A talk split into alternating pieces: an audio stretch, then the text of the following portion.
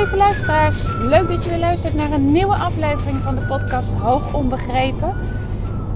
Waarschijnlijk hoor je het ook wel. Ik rij nu in de auto. Ik ben net op de terugweg. Ik heb onze, de koffer die wij gehuurd hebben voor onze reis naar Zweden, voor, het skiën, voor de skivakantie, heb ik zojuist teruggebracht bij het verhuurbedrijf. Ik ben nu op de terugweg. En ik had zoveel inspiratie naar aanleiding van wat er vanmorgen bij ons thuis gebeurde. we zijn nu net een dag terug. Als je denkt, je hebt toch vandaag al een podcast opgenomen, Eveline? Ja, dat klopt. Ehm, maar ik dacht, dit wil ik gelijk met je delen. Ik heb nu tijd, ik heb nu ruimte om een nieuwe podcast op te nemen. En ik ga het ook gewoon gelijk doen. Want vanmorgen heb ik onze kinderen drie van onze kinderen. De oudste niet. Uh, onze oudste is zo druk bezig met het voorbereiden van haar staatsexamen dat ik haar niet meer um, uitdaag met andere opdrachten. Die heeft hier echt haar handen aan vol en is ook echt niet nodig. Maar de andere kinderen, ja, zijn we elke keer weer zoekende van goh, wat, wat gaan we doen? Het heeft natuurlijk bij ons ook best wel een tijdje, met name met onze oudste zoon, op een heel laag pitje gestaan. Omdat zijn gezondheid gewoon prioriteit had en hij totaal geen energie had om ook maar iets anders te doen dan in bed liggen. Een beetje filmpjes uh, te kijken.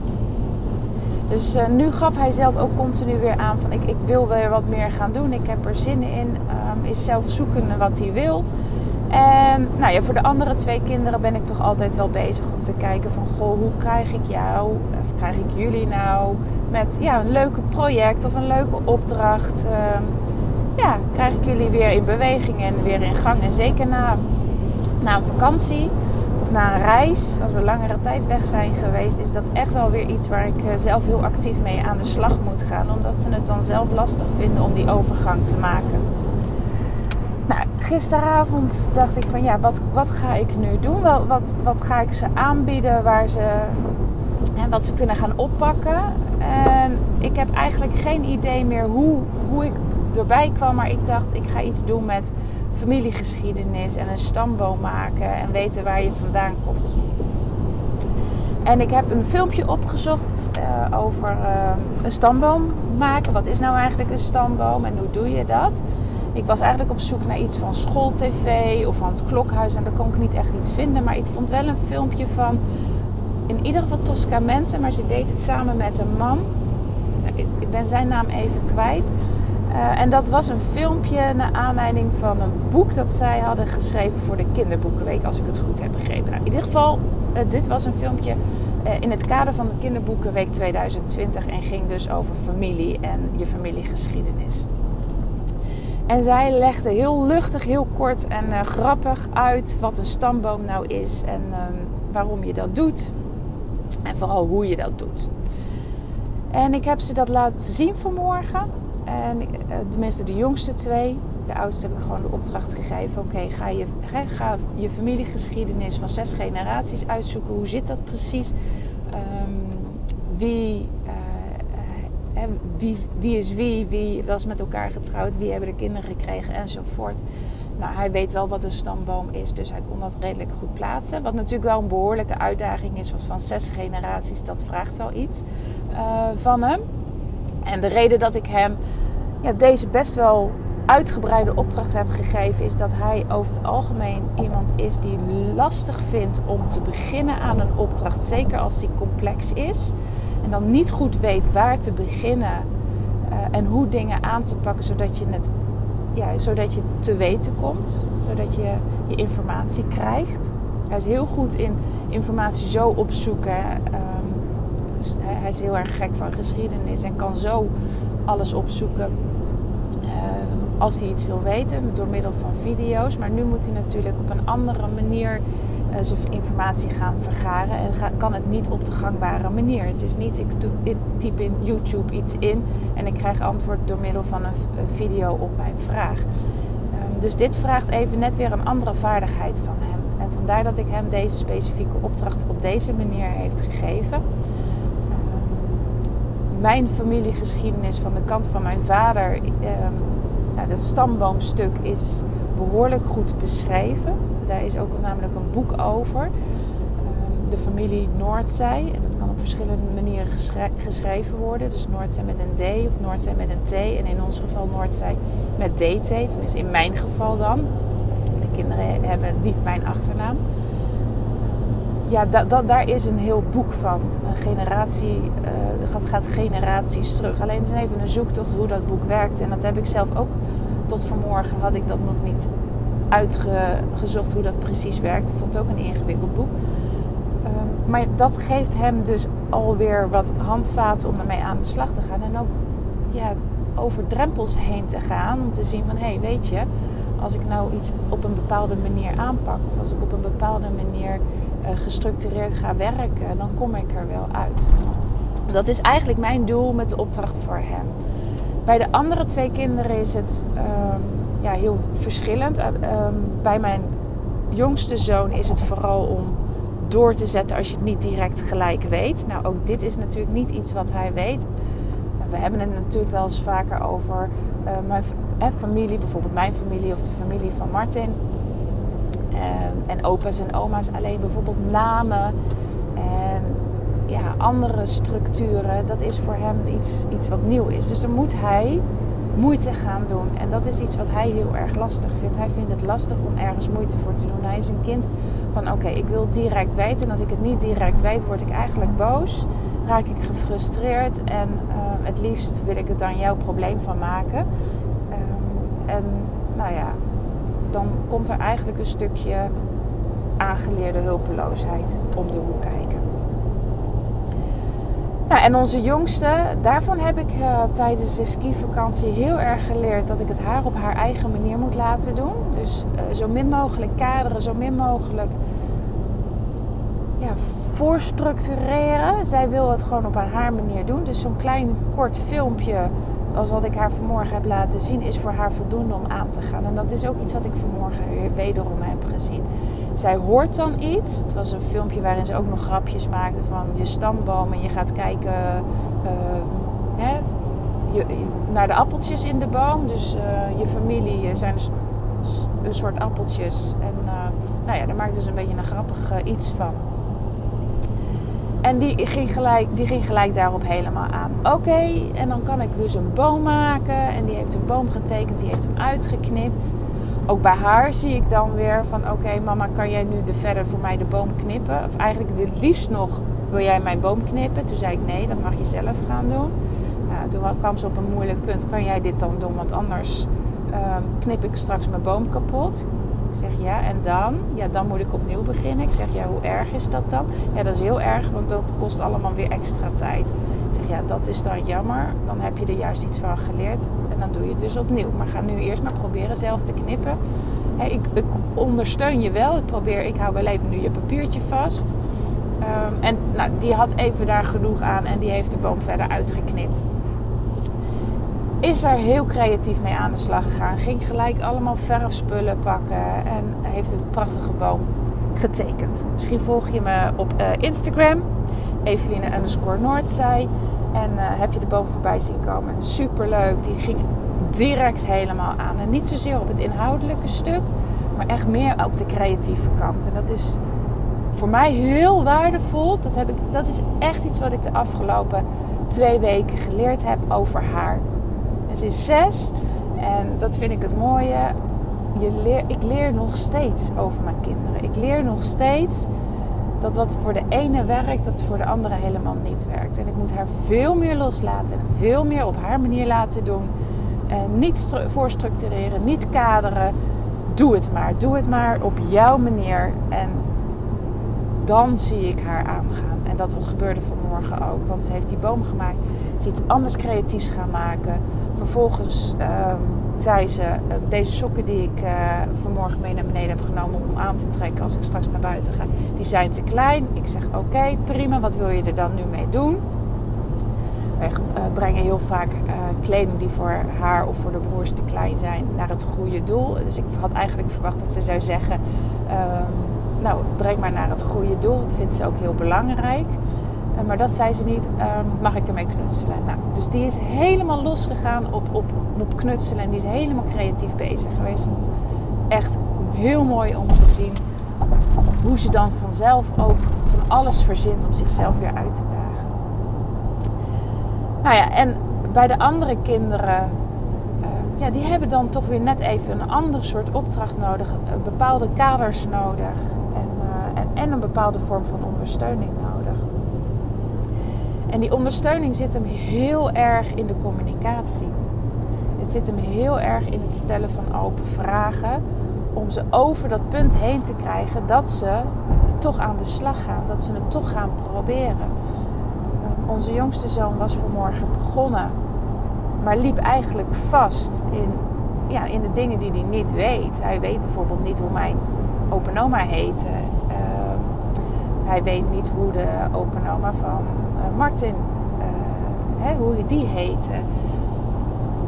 En dat is dan iets waar hij tegenaan loopt en het aan mij gaat vragen. Dan zegt hij: Oké, hoe heette jouw open oma? Maar dat vond ik te makkelijk. En hoe het natuurlijk goed bedacht is: van oké, ik ga het vragen aan degene die het weet, ben ik, vind ik dat te makkelijk. En dat heb ik hem ook teruggegeven. Ik zeg: Weet je, op het moment dat jij mij deze vragen gaat stellen, weet je dat ik het wel weer voor jou oplos. En het stellen van vragen is heel goed. Dat is perfect. Want zo kom je dingen te weten die je, niet te we die, je nog niet weet.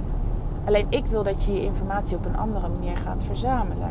Dus ik wil niet dat je bij mij terechtkomt, maar dat je er op een andere manier moeite voor doet. En dat vond hij heel erg lastig. En hij besefte zich wel dat hij zijn eigen open oma kon bellen. Maar dat was echt een hele stap voor hem om dat te gaan doen. Dat vindt hij heel erg vervelend. Want ja, liever zo makkelijk mogelijk dan uh, een beetje moeite moeten doen. En op een gegeven moment uh, ja, werd hij daar ook echt. Hij, hij, raakte in eerste instantie heel gefrustreerd. En hij werd heel erg boos. Dat ik het niet voor hem ging oplossen. Ik zei, en elke keer heb ik hem echt alleen maar gezegd: Oké, maar wat zou je dan nog voor andere stappen kunnen nemen? Wat zou je kunnen doen? En toen hij besefte dat ik het niet voor hem ging doen, dat ik niet zomaar die informatie uh, ging opdreunen zodat hij het, pro het, project af kon maken en dat het, uh, nou, handje klap, het is weer klaar was, uh, werd hij heel verdrietig. Hij moest ook echt heel huilen. En aan de ene kant is het natuurlijk gewoon heel erg zielig. En aan de andere kant dacht ik alleen maar: oké, maar nu, nu heb ik jou.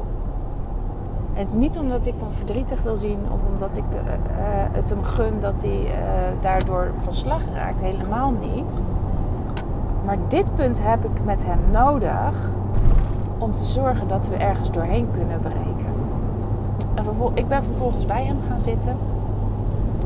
Ik heb gekeken met wat hij al had. Ik heb uh, gezegd van wat heb je dan nog nodig? Wat wil je dan nog weten? En hoe ga, je, hoe ga je dat nu te weten komen? Nou, dat betekende in eerste instantie dat hij iets wilde weten van mijn moeder. Uh, en ik zei: Oké, dan gaan we dus nu oma bellen. En ik ben er bij hem gaan zitten. En toen wilde hij ook dat ik het ging vragen. Ik zei: Nee, dat ga ik niet doen. Dus we hebben het samen gedaan. Nou, en dat is dus een hele stap, een hele overwinning. Nou, dit is de kern. Want het is een vraag die ik zo vaak krijg van ouders: van hoe krijg ik mijn kind nu zo ver uh, ja, dat het de stap gaat nemen, dat het ook daadwerkelijk ergens doorheen gaat en niet alleen maar de, voor de makkelijke weg kiest. En ik geloof heel erg in, in, in het stuk communicatie, dus het stuk open vragen stellen. Ook heel erg houden bij wat jij vindt niet wat er moet gebeuren. Want de invulling hoe ze aan informatie in dit geval komen, mogen ze zelf weten. Maar wel vasthouden dat jij niet degene bent die altijd maar antwoord gaat geven op de vragen.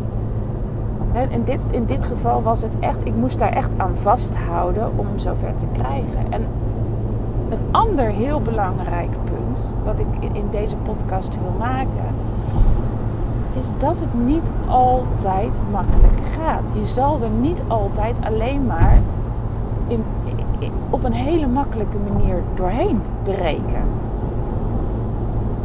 Dit, dit vraagt iets van je en dit vraagt een stuk standvastigheid van je als ouder of als leerkracht.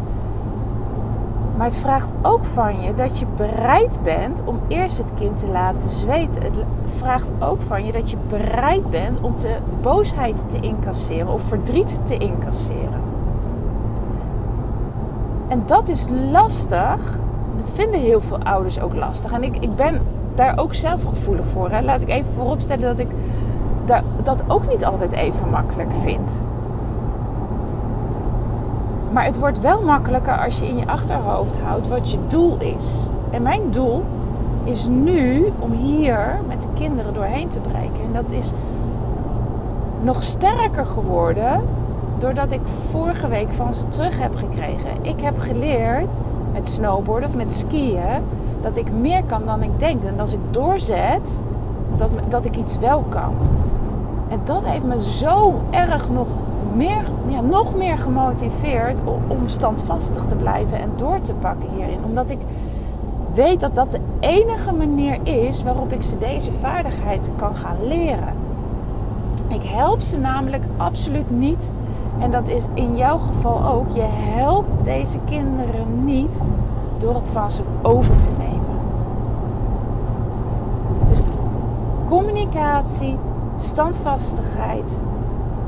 En blijf bij je punt, blijf bij wat je van ze vraagt.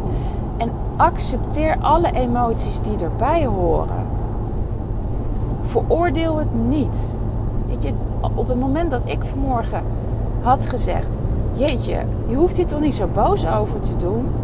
Zo erg is het niet, kom op, pak even door. Dan was ik hem kwijt geweest. Dan had hij geen enkele stap meer gehad en had ik bonje gehad.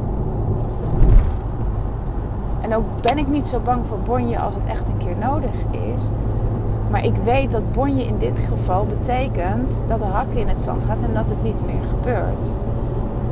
Dat is niet, niet, niet de les en de boodschap die ik ze mee wil geven. Dus accepteer van de emoties is ook hierin echt een ontzettend belangrijk punt. Wanneer jij met je kind hierin struggelt. Omdat je kind heel erg de neiging heeft om op te geven, niet door te zetten. Het aan jou over te laten. En dat is wat dat hoogbegaafde kinderen echt heel goed kunnen doen. En soms echt op zo'n manier kunnen doen. Eh, dat is misschien even iets wat ik je extra mee wil geven. Is wees je daar heel bewust van. Want soms gaat het heel subtiel. Ik zie dat in de praktijk ook wanneer ik onderzoek afneem hoe goed ze iets in een bepaald uh, vat kunnen gieten. Waardoor je denkt, oh, ja, ik, zal, ik, hè, ik doe het niet. Ik, ik heb ze eigenlijk bijna allemaal heel goed door. Uh, en daarbij, ik mag ze ook dus met een onderzoek niet helpen. Dus dat maakt het natuurlijk ook al makkelijker. Uh, maar ook in de thuissituatie. Ik merk zo dat deze kinderen zo goed kunnen nadenken over hoe ze iets voor elkaar kunnen krijgen van jou.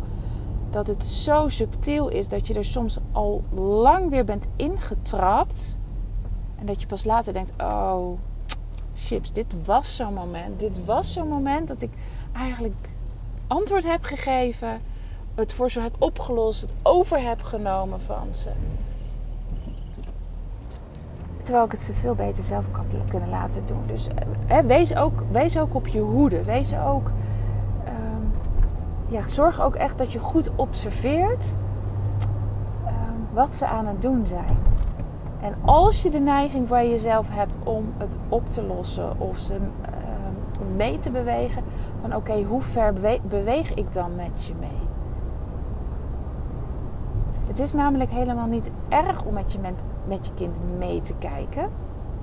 Maar als je dat doet met meekijken en je gaat dan vertellen hoe je kind het moet doen, dan ben je je kind aan het begeleiden. Je neemt het aan, aan de hand stap voor stap mee.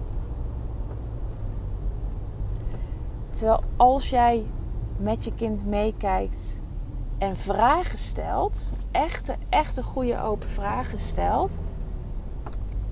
Dus waar loop je tegenaan? Wat vind je moeilijk? Waar denk je nu hulp bij te hebben? Nou, al dat soort vragen die je kan stellen, dan prikkel je je kind om zelf na te gaan denken. Het is dus vragen stellen, eventueel samenvatten, teruggeven wat het kind gezegd heeft. En dan weer op doorvragen van oké, dus als ik samenvat, dan loop je hier en hier en hier tegenaan. Vind je het heel lastig? Wat heb je bedacht of wat zou je kunnen bedenken om het op te lossen? Wat heb je al gedaan? Wat heb je al geprobeerd? Het zijn zo van dit, dit soort vragen waarmee je het kind echt kan stimuleren om zelf te gaan nadenken. En dan, op het moment dat het kind dan boos wordt en gefrustreerd raakt, het ook te laten zijn. Laat maar. Het kind mag boos zijn, het kind mag gefrustreerd zijn. Het is alleen voor mij heel vaak een teken van oké, hier zit dus iets wat je nog te leren hebt. Hoe ga je met je eigen frustratie om? Hoe ga je met je het, het niet weten of nog iets niet kunnen om? En wat heb je nodig om dat wel te gaan doen? Mega belangrijke vaardigheid voor een kind om te leren.